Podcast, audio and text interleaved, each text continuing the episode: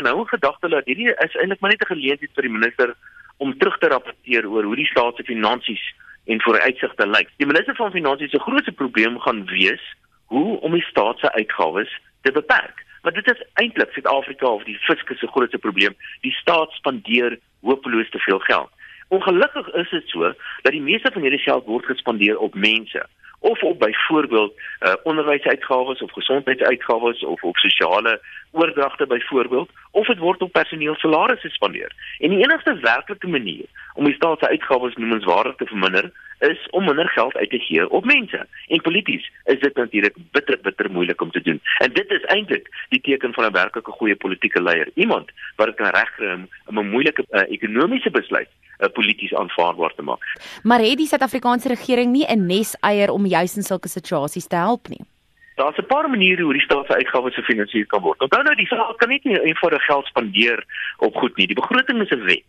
En as die minister van finansies meer geld wil spandeer byvoorbeeld op Suid-Afrikaanse lugdiens, dan moet dit deur 'n spesifieke proses gaan. Hy kan nie net geld uh, vat en dit spandeer nie. Uh, dit is ook so dat die staat behalwe vir belasting se hele klompie ander bronne van geld het. Een daarvan is dat hy kan net eenvoudig meer geld gaan leen. Maar weer 'n keer, dit is deel van die hele proses en daar's wette daarvoor nodig. 'n Ander bron van geld is dat die staat kan bestaande saldos gebruik. Nou van hierdie bestaande saldos is by die sogenaamde belastings en leningsrekenings by die gewone kommersiële banke. So dis geld wat beskikbaar is. Dit is maar soos enige soos 'n individu ook wat 'n klomp geld in die spaarrekening het.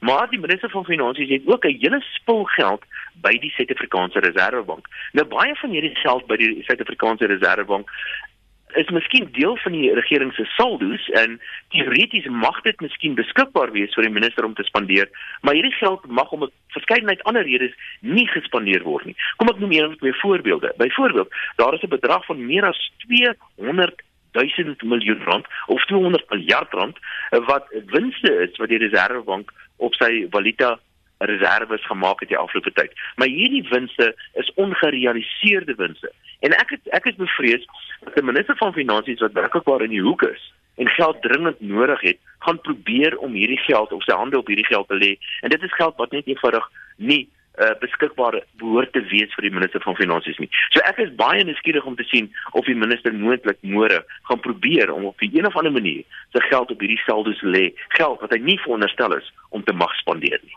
Nou, Davie, jy praat van 'n rasiële proses om dat hierdie geld beskikbaar gemaak kan word. Wat behels hierdie proses en is daar maniere hoe om dit te kortwiek?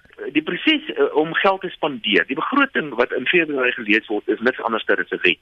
Hierdie begroting word dan aanvaar en uitgawes en inkomste is dan veronderstel om plaas te vind in terme van hierdie spesifieke begroting. Ons het ook 'n reserve in die begroting en in hierdie spesifieke reserve um, moet die minister van finansies eh, uitgawes meer finansier waarvoor hy nie voorsiening gemaak het nie. Dit is 'n soort van 'n spesiale reserve wat ek dink 'n baie goeie ding is. Ongelukkig is hierdie reserve nou al reeds heeltemal uitgeput en daardie geld is nou nie meer beskikbaar nie. Maar daar's ook 'n hele klompie ander geheime uitgawes wat gewoonlik die prerogatief van van die sekuriteitskluster in Suid-Afrika is en ek reken die president mag ook sekere geheime uitgawes spandeer wat nie noodwendig deur die normale parlementêre prosesse gaan nie. En ek dink iets soos byvoorbeeld die sogenaamde kernkraguitgawes waaroor so baie gespekuleer word in die pers kan moontlik geklassifiseer word as een van hierdie geheime uitgawes. En ek dink dis miskien een van die redes hoekom die verantwoordelikheid van die begrotingsproses deesdae die president prerogatief is en nie meer meer net die minister van finansies nie. So ongelukkig klink dit vir my asof dit wel moontlik is om sommige van hierdie prosesse eh, 'n kort pad te vat en sommige van hierdie uitgawes aan te gaan wat nie noodwendig deur die normale prosesse gegaan het nie. Maar ek dink môre op die ou end moet hierdie geld ergens vandaan kom en môre sal die minister van van die finansies vir ons moet sê waar geld gaan kry en op die ou end moet ons as die belastingbetaler weet wat die totale uitgawes van die minister van finansies is.